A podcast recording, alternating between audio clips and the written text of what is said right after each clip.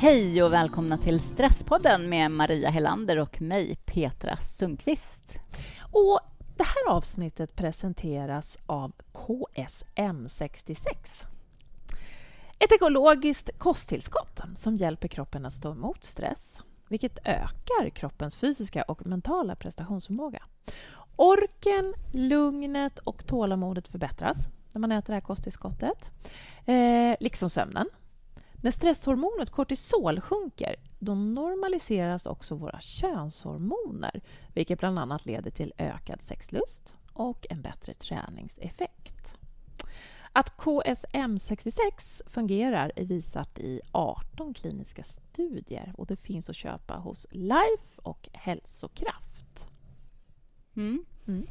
Jag ska prova det där själv faktiskt, för jag har läst lite. Jag googlade runt lite på det där. Det verkar mm. bra. Mm. Och eh, om ni går in på vår Facebook-sida, på Stresspoddens Facebook, mm. så kan ni faktiskt ha tur att eh, vinna mm. en eh, burk med det här, med de här tabletterna, mm. eller hälsokost till... Jag kan inte prata. Tillskottet. Du klipper bort det här, va? Ja, säkert. gå, in, gå in på vår Facebook och var med och tävla. Mm. Mm. Missa inte det. Nej. Mm. Våran Facebook. Vår Facebook-sida. Mm. Mm. Precis. Mm. Men det här avsnittet eh, är ett väldigt angeläget avsnitt som vi ska ha idag. Vi ska prata om barn och stress för att stressen har sjunkit så långt ner i åldrarna och idag ser vi stresssymptom på barn i förskolan. Och det är riktigt, riktigt hemskt. Det gör verkligen mm. ont i hela min mage när jag tänker på det. Mm. Och hela hjärtat. Mm. Oh ja. Så ta del av eh, Maria-Pia Gottbergs eh, både erfarenheter och eh, hennes tips kring det här. Vad man kan göra, både som förskolepersonal och som förälder. Mm, precis. För du har varit och intervjuat Maria-Pia. Ja. Så, nu sitter jag här igen med Maria-Pia Gottberg som eh, Stresspodden har intervjuat tidigare angående hennes egen stress och utbrändhet. Då kom vi lite börja prata om barns stress och kom på att det här måste vi göra ett eget avsnitt om. Så här är vi nu. Mm. För barn blir också och är väldigt stressade idag, eller hur? Ja, det är någonting som jag möter jättemycket. Jag är ju ute väldigt mycket i, i förskolor framför allt, men också skolor och träffar en hel del föräldrar också. Um, och möter deras oro helt enkelt uh, för barn och deras stress. Mm. Och jag tycker, nu har jag jobbat i nästan 15 år uh, ute i förskolan, alltså som konsult då, uh, med föreläsningar och så. Och jag tycker att det här med stress kommer upp mer och mer, att det blir mer och mer tydligt. Redan i förskolan? Ja. ja. Och det är så, stressen går liksom neråt i åldrarna och, och ökar, verkar det som. Men hur kan ett litet barn, alltså i förskoleåldern, hur kan mm. ett sånt litet barn vara stressat på det sättet? Mm.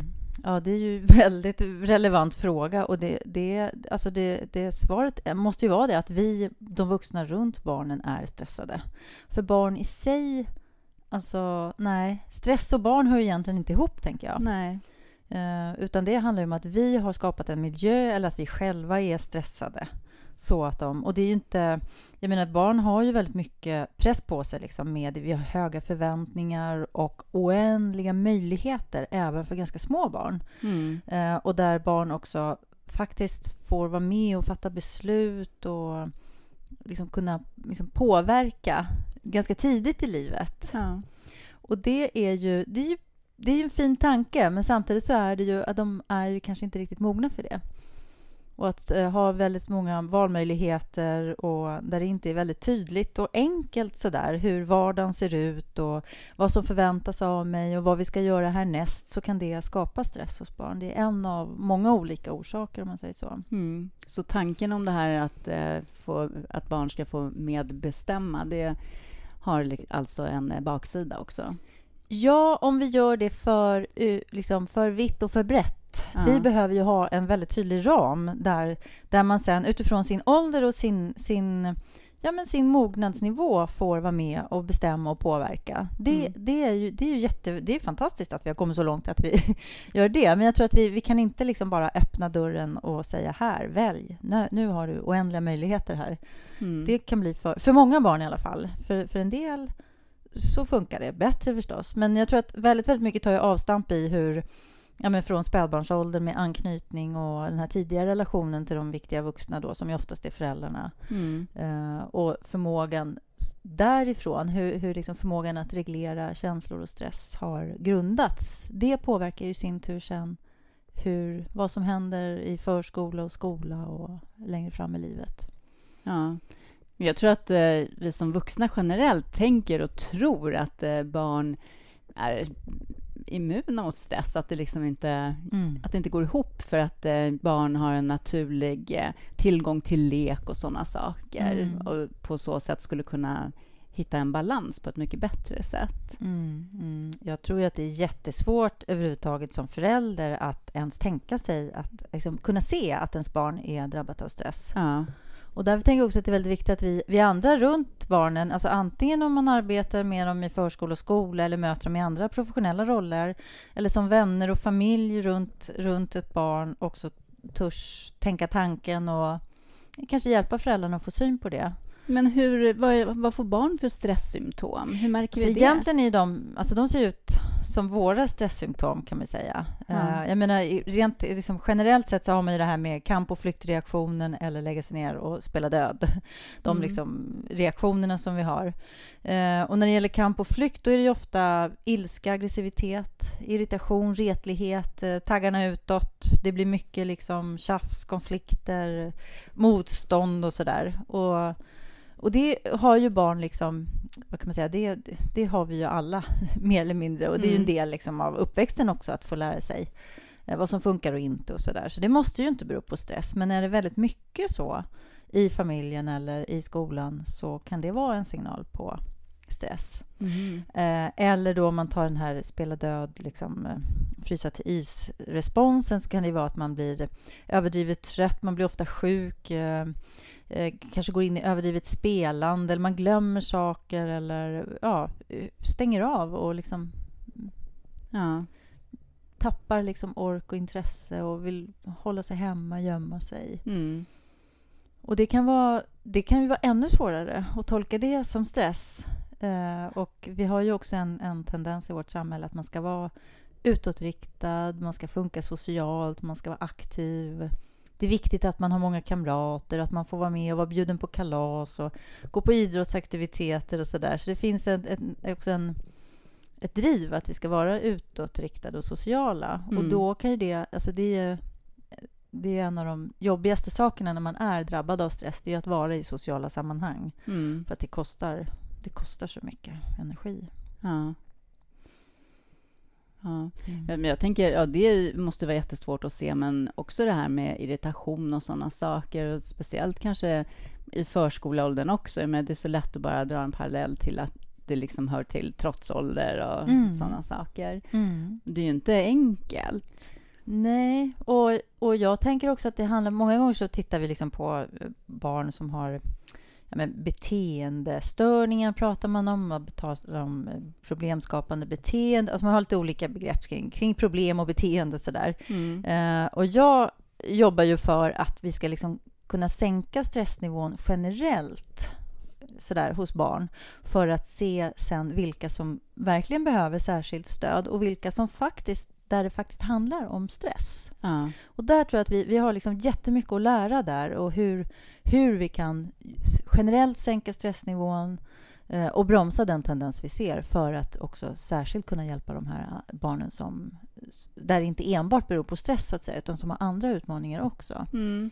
Och hur, hur jobbar du då?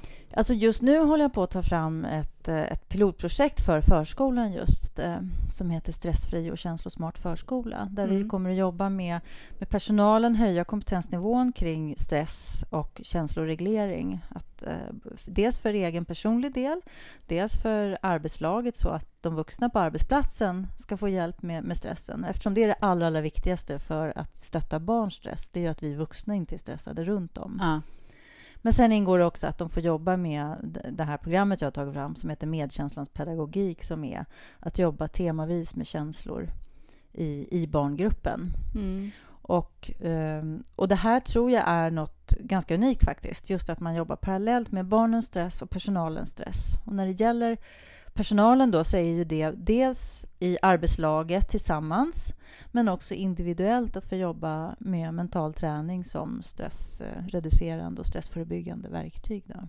Mm. Så det, det, blir spännande att se liksom hur, på vilket vis det kan vara med och påverka stressnivån i just förskolan. Mm. Mm. Jag gillar det här med känslosmart. Vilken mm. betydelse har det för, för barnen? Och vad är det liksom att vara känslosmart? Jo, men att vara känslosmart är ju att dels att vara i kontakt med och förstå och kunna sätta ord på det jag känner och veta att en känsla är Alltså det är ingenting som vi hittar på, eh, utan en känsla är ju en, en, respons på något stimuli som kommer utifrån eller inifrån i form av ett minne eller, eller så. Va? Eh, så det är någonting som skapas för att vi ska få hjälp att förbereda oss för potentiella hot och faror. Ja. Eller för att vi ska förstå att det här är ett positivt sammanhang, det här är en person jag kan lita på eh, och samarbeta med och säkerställa överlevnaden. Alltså mm. det, det, handlar ju om att, ja, men att förstå hur hjärnan funkar och där vi historiskt sett har eh, liksom värderat det här med känslor som något som är något litet misstag. Mm. Lite som blindtarmen, sådär. Som, den hänger kvar, liksom, men den fyller ingen funktion och det är ingenting man liksom pratar högt om i finrummet. Utan Nej. men tvärtom så är ju känslorna en förutsättning för att vi ska kunna men överhuvudtaget kliva upp ur sängen och göra någonting om dagen. Alltså, mm. Det är kopplat till motivation och allting. Mm. Så att är man känslosmart så förstår man det här och kan använda sina känslor på ett konstruktivt sätt.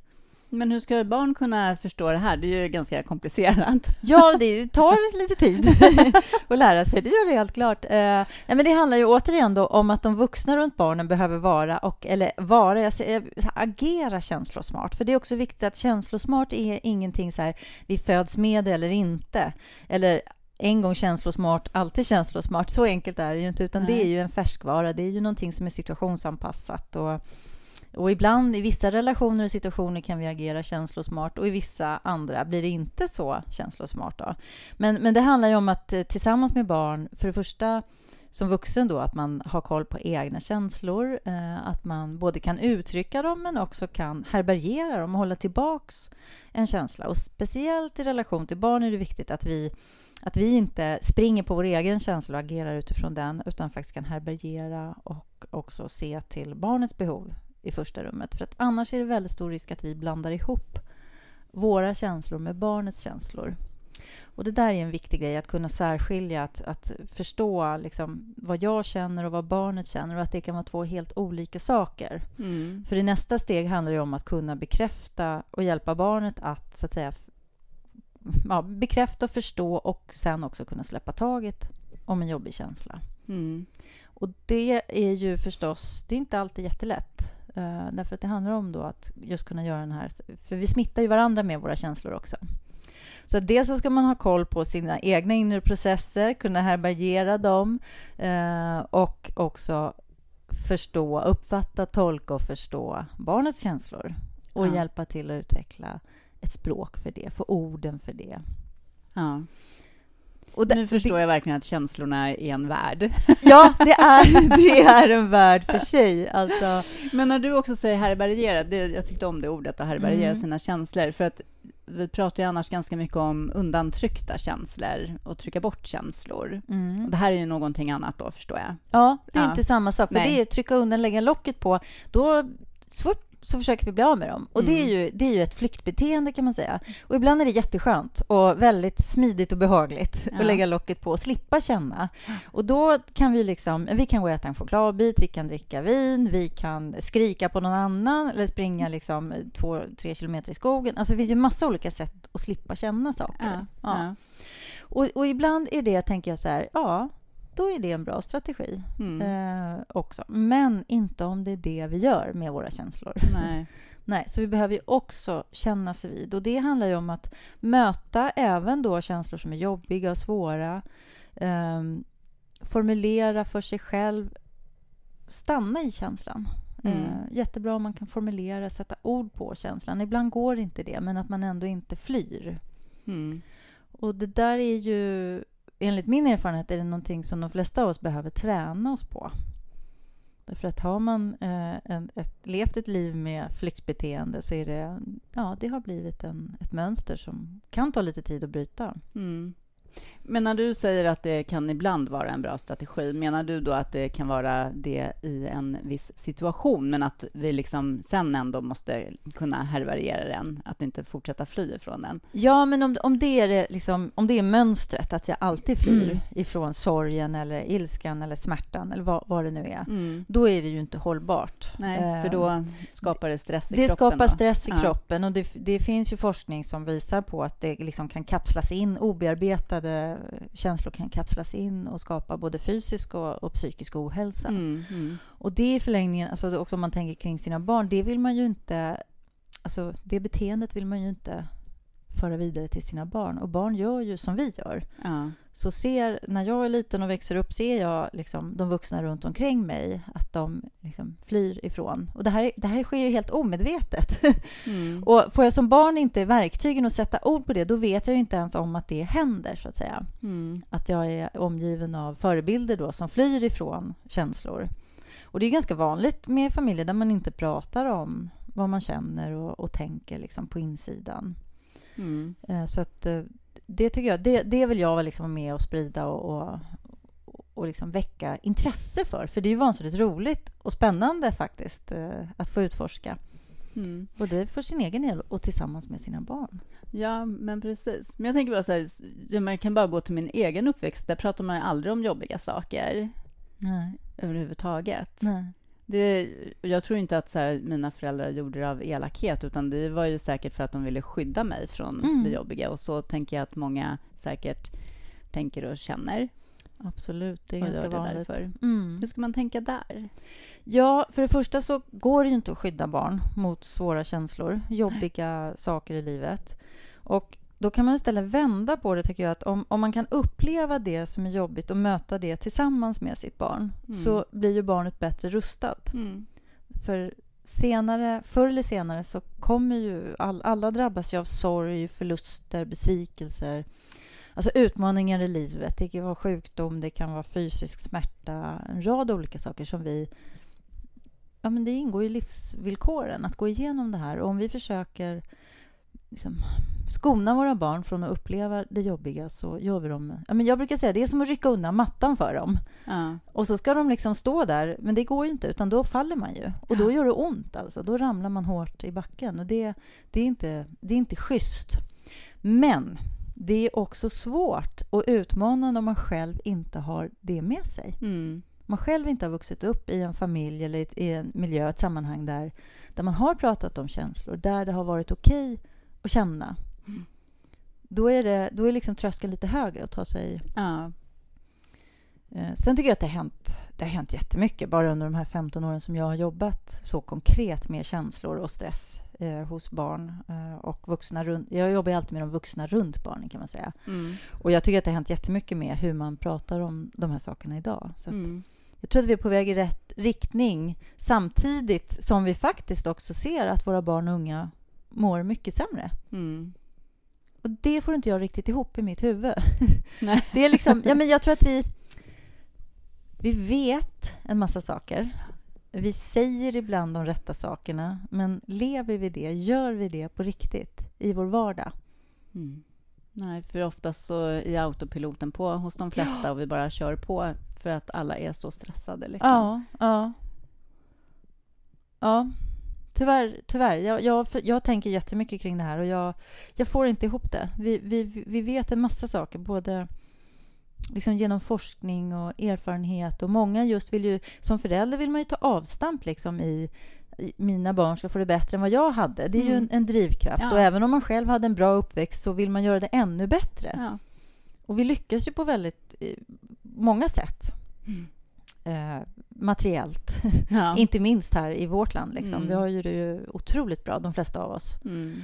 Um, men det blir ju någon, någon lucka där, någon brist i jakten på kanske just materiella saker. Att vi faktiskt glömmer bort det allra, allra viktigaste. Mm.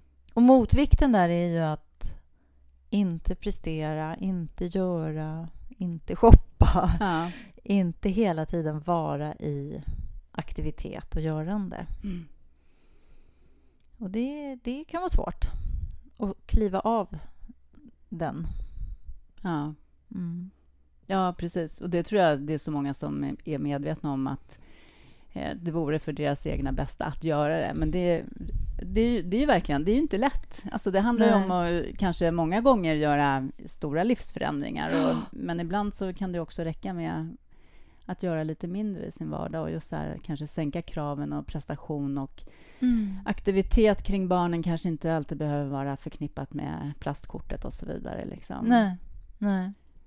Nej, nej, men då kan man liksom titta på orsakerna eh, liksom, till barns stress. Då, som, eh, det kan ju vara liksom, några saker som är bra att känna till. Det är ju att för det första, vi har ju pratat om stressade vuxna. Liksom, det är ju den främsta orsaken till barns stress. Mm. Att ha många relationer igång samtidigt. Och det har barn, bara av det faktum att de går i förskola och skola så har de många relationer. Och går man dessutom på tre olika fritidsaktiviteter i veckan, då är det ännu mer relationer. Och sen kanske det är släkt och vänner och alltså det där, för en del barn är det väldigt stressande. Mm. Så att, att man kanske ser över aktiviteterna. Eh, det är få barn idag som lider av understimulering. Mm. Eh, Men det är, de, det, det, det är ju också stressande att vara understimulerad. Så att det där är ju också individ... am- Alltså man måste ju titta på individen, Mm. hur det ser ut. Ehm, sen är det ju uppenbara saker som om föräldrarna ligger i skilsmässa, om det är mycket konflikter. Eh, om man kanske har varit sjuk under en tid, om föräldern själv är sjuk fysiskt eller psykiskt, så, så kan det vara väldigt stressande för barn. Generellt sett, om jag som förälder inte mår bra så ska jag också liksom vara lite vaksam på, för det kan vara väldigt stressad, stressande för barnet. Mm. Och, och såklart om det är liksom missbruk och våld och jag menar sådana saker, det är ju akut stressande för barn. Det är Ja. fruktansvärt. Men jag tänker på här, ifall man själv är sjuk och kanske då är sjuk av stress och utbränd och sånt. Hur ska man eh, agera? Liksom, ska, vi vara, ska vi prata så mycket som möjligt kring det här med barnet då? Eller? För det är ju ändå ganska många som befinner sig i den Mm. situationen och just eh, är kanske sjukskrivna också av stress och eh, redan då känner sig jätteskuldbelagda för att de Ja. inte orkar med sitt barn eller sina barn på, Mm. på ett bra sätt. Mm. Ja, det där är ju, alltså, där tycker jag ju att det är hemskt svårt att ge ett generellt råd. Jag kan ju bara berätta hur jag själv gjorde när jag var utbränd. Alltså jag, jag har alltid pratat mycket med mina barn. Mm. Eh, både mitt första barn, när jag var utbränd första gången, som jag berättade om förra gången när vi Ja, träffades. Ja, I avsnitt 35. Ja. och och hur, det, hur jag då... Då hade jag ju inte verktygen riktigt så. Men med mitt andra barn sen, då har jag ju själv haft lite mer kunnande och mer verktyg. Men, men jag har verkligen tänkt på det, att jag, med båda har jag varit ganska öppen med Mm. när jag har mått dåligt. Mm. Och eh, försökt skapa så mycket trygghet som möjligt i det. Att sagt att just nu, nu är jag stressad eller nu mår jag dåligt och jag är, jag är lite för trött för att egentligen orka det här. Men, men du, du kan känna dig trygg med att alltså, jag finns här. Ja. För dig kommer jag alltid orka finnas. Ja. Eh, och ibland så är, kanske man inte upplever att det är sant faktiskt. Mm. Eh, men, men ofta så är det ju ändå det. Men att man också måste våga ta hjälp av Ja. andra Ja. be om hjälp, bjud in. Alltså speciellt om man är liksom ensamstående förälder. Eh, Ja. Man måste ha hjälp. Och ofta är det så att om man är den här som lätt, alltså eller lätt, men som, som, som blir utbränd eller gräns, eh, till gräns till att bli utbränd så kan ju det vara en av orsakerna. Det är ju att man inte ber om hjälp. Ja. faktiskt. Ja. Ofta är det ju liksom prestationsinriktade, duktiga ja. Ska fixa, ska ja, fixa. kan själv och sådär. Ja. Mm. Och, det, och det, alltså det tänker jag är ja, men någonting som är viktigt att lära också våra barn. Att vara en förebild i det. Att vi klarar inte allting. Nej. Det är någonting. Jag har ju precis blivit mormor här för en månad sedan. Aha. Så att jag pratar ju mycket med min dotter då. Eh, om det här och dels här och nu liksom i spädbarnstiden men också framåt. Just att men du behöver inte vara duktig, du behöver inte kunna allt. Be oss om hjälp, oss, vi som finns här runt omkring dig. Mm. Mm. Det är liksom en, en kaosartad situation i livet. Ja. Och plötsligt uh, ha ett spädbarn som man har fullt ansvar för. Ja. Och man behöver inte vara duktig. Nej. Nej. Man behöver äta, sova, bli lite klappad på så att man orkar vara uh, den förälder som man behöver. Och det där tänker jag att det där kan man ta med sig uh, genom föräldraskapet också. Mm. Och i relation till andra. Att vi, måste, vi behöver varandra. Mm. Och det är ju också eh, nedstressande för oss mm. att mötas. Uh, att uh, dela känslor. Det skapar ju också liksom, närhet i relationerna och då sänker det stressnivån hos oss. Så mm. det har liksom dubbelt ja, syfte kan man säga. Ja, men precis. Mm. Ja, men en relation ska väl aldrig vara en prestation? Nej. Eller, det... Nej, det är faktiskt himla bra uttryckt. Mm. mm. För det kan det också förstås också kännas som. Ja. Man ska prestera i en relation. Precis. Mm. Då kanske man ska se över den relationen. Ja. Och där då, som barn, om jag känner att jag måste prestera ja. i min familj, ja. då är det ju inte bra alltså. Nej. Och det är ju jättesvårt utifrån Alltså jag försöker ibland leva mig in i liksom hur det var att själv vara barn eller hur det är att vara barn idag. För det har ju hänt en del eh, sen vi var små, om man mm, säger så, mm, också mm. i samhället och så. Och det är ganska svårt. Eh, därför att man är också otroligt lojal mot sina föräldrar. Och det är ju ens värld. Så att som barn är man ju väldigt utlämnad åt de, den, det sammanhang där man, som man har fått, helt enkelt. Ja. Men när du är eh, i förskolor och sånt och pratar både möter då personal och eh, föräldrar, vad är deras eh, största oro och tankar kring? Är, de, är det liksom, finns det en förvåning över att små barn är så stressade? Ja, det finns mycket frågetecken och tyvärr möter jag ganska mycket oro hos... Det är främst förskolepersonal jag mm. träffar. Mm. Jag möter ganska mycket oro hos dem. Mm. Eh, och De tar ofta upp det här med att små barn eh, får vara med och fatta beslut mm. som de inte är mogna för. Av mm. vilka kläder de ska ha på sig, vad de ska äta till middag och sådana saker. Förskolebarn, eh, liksom, nej. Man, de ska inte fatta sådana beslut, utan det är vuxenbeslut. Eh, de är också oroade över föräldrar som kommer in och ska hämta eller lämna och är inte är närvarande, eh, mm. eh, som är i sina mobiltelefoner, mm. eh, som inte tar sig tid att komma på föräldramöten, eh, som ja, men har, verkar ha svårt att stå ut med barnens jobbiga känslor. Om det blir konflikter ja. eller gråt eller ja. och sådär. Så mm. den, där möter jag mycket oro. Och sen i sin tur när jag då träffar föräldrar istället och håller ja. föreläsningar och möten med föräldrar Eh, så är de oroliga för ja, men i princip samma saker, fast ur andra perspektivet. Då. Ja. Alltså att, att man inte är tillräckligt bra förälder. Mm. Att, um, men också en oro att barnen ska halka efter och inte, inte liksom utvecklas i samma takt som andra barn. och så där. Ja, för det är ett himla mätande från så unga år idag ja. också. Ja, ja, jag kallade det för eh, SM, Svenska mästerskap i barn. Liksom. Mm. Där man liksom börjar, det börjar redan i de här föräldragrupperna. Liksom man börjar kolla hur snabbt växer de och när ja. börjar de krypa och ja. har de napp eller inte mm. och hur mm. mycket äter de. Liksom. Ja. Och sen fortsätter det där. Ja. Och det är någonting som jag, jag liksom verkligen försökt att inte gå in i det där. Mm. Och det är inte lätt. Nej. Uh, för det är också roligt. Det är ju en största intresse man får barn. Det är ju att prata om sitt barn hela mm. tiden. Det är det enda man vill mm. prata om. Uh, så det är fullt begripligt. Mm. Men att man också har lite koll på sig själv där så att man inte så att det inte på riktigt blir en jämförelse. Nej. För du kan inte jämföra ett barn med ett annat. Liksom. Nej. Det, det är inte schysst. Nej. Nej.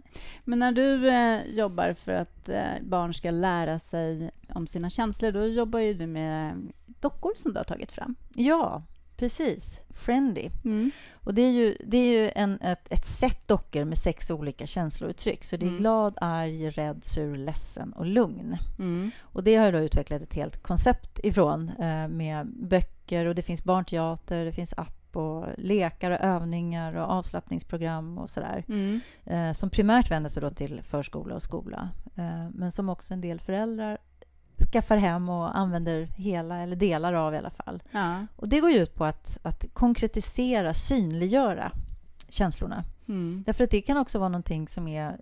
Ja, men det kan bli abstrakt.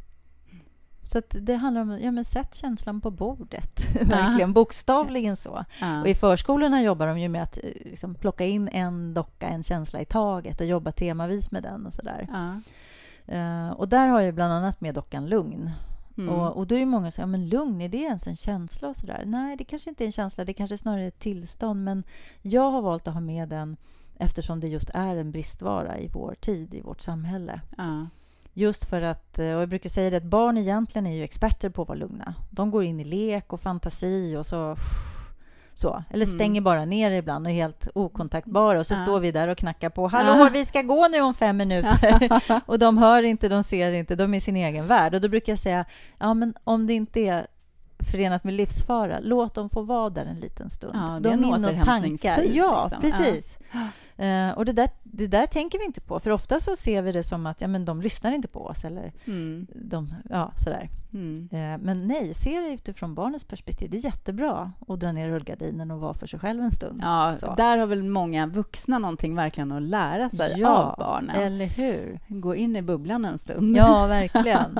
Och det märker jag också när jag är ute och föreläser och, så där, och pratar om lugn. Att mm. eh, många får upp liksom, jaha, ja, ja, och så har vi inte sett på saken. Mm. Men det jag framför allt tycker är viktigt, det är ju att vi Alltså, jag brukar säga det att vi egentligen behöver inte vi lära barn att vara lugna. Det kan de. Det, det är snarare tvärtom, som du säger, att vi ska lära av barnen där. Mm. Men det vi kan bidra med, det är ju den här regelbundna vanan att varje dag stanna i den där bubblan, att medvetet gå in i den. För mm. det är ju mm. någonting som... I förskolan har man ju oftast vila. Det är också tyvärr lite på väg bort på många förskolor. Ja. Jo, men och det är baserat på att just att föräldrar tycker att de ska inte sova på dagen för då sover de inte på kvällen mm. och sådana saker. Så det, där vill jag slå ett slag för vilan. Den är jätteviktig. Mm. Jätte, jätteviktig. Men sen i skolan då försvinner den ju oftast helt och hållet. Ja. Men har jag då fått med mig redan från förskoleåren en vana att jag varje dag liksom går in, drar ner rullgardinen och stannar inne i mig själv en stund. Mm. Har man fått med sig det från så tidiga år, då har man verkligen fått med sig en, en, en av livets kanske viktigaste vanor mm. för att motstå stress. Ja. Så då jobbar vi ju med, jag har tagit fram ett avslappningsprogram som heter Avslappning och självkänsla eh, som man kan använda sig av. Det finns ju massa andra också, den typ av avslappningsprogram för barn. Då. Mm. Eh, som ett verktyg.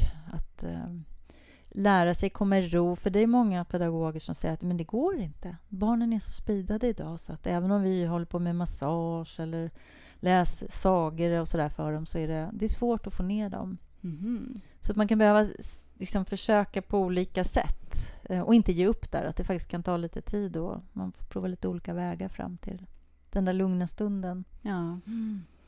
Ja, och där måste det också vara jätteviktigt att man själv då också ändå har förmågan att komma ner och ja. bli lugn. För ja. att jag menar, vissa dagar kanske vi är så superstressade själva, men det, måste, det blir en omöjlighet att få andra att slappna ja. av. Då. Ja, ja, för det är ju, men om jag... Ja. nu ska vi ta det lugnt. Ja, och även om, vi, även om vi tror att vi liksom förmedlar ett lugn och känner oss superstressade så blir det ju ändå eh, lite ja. falsk bild där, tror jag. Ja, mm. nej men absolut. Det är, det är ju väldigt viktigt. Ja. så att, ja, men ja, åter till det där projektet nu, Stressfri och känslosmart förskola, så handlar det ju... Det är därför jag vill liksom lägga till nu att jobba med personalen också. Mm. För det är det jag har hört under alla år som jag har varit ute och jobbat med, med Friendly nu och jobba i barngrupp med det här. Att ja, men det här är så bra. Men vi, vi skulle behöva det här själva. Mm. Och föräldrarna, gör någonting för föräldrarna. Ja. ja. Mm det är ju det är där vi behöver börja med oss mm. själva, som mm. med allting. Mm. Stora utmaningar egentligen, fast ja. det är så ändå enkelt. Liksom. Ja, och, och, min teori är ju att det är för att det är så enkelt som vi skjuter det framför oss mm. och inte gör det. Mm. Därför det är för enkelt mm. att bara... Jag menar, som jag gjorde nu senast i förmiddags här när jag var ute och gick mm. liksom, och skulle hinna bli klar innan vi skulle träffas och allt det här. Och då kände jag jag gick med snabba steg. Tjo, tjo. Ja. och sen tänkte jag att nej, men vänta nu. Så jag tog, satte mig på en, en stock ja. Uh, och sa åt min hund stanna. Ja. Och bara la ner allting, satt och vände blicken upp mot solen. Bara ja. blundade en stund och satt och andades. Ja. Och sen när jag gick därifrån, då var jag ju lugn igen. Mm. Och jag satt inte mer än två, tre minuter. Nej. Så det gäller bara att komma ihåg och påminna sig om att göra det där också. Mm. För att eh, man blir ju inte... Eller sällan blir man ju mer effektiv för att man springer fortare. Utan det är ju den där lilla mikropauserna i vardagen som gör skillnad. Mm. Och då tillsammans med barn så tänker jag att det är viktigt att synliggöra det också. Prata om det, sätta ord på det. För det, det behöver barn mer än någonsin idag. Att få hjälp med att komma ihåg. Mm. Hur, hur kan jag göra mig själv lugn? Ja. Hur kan jag tänka? Vad kan jag behöva göra?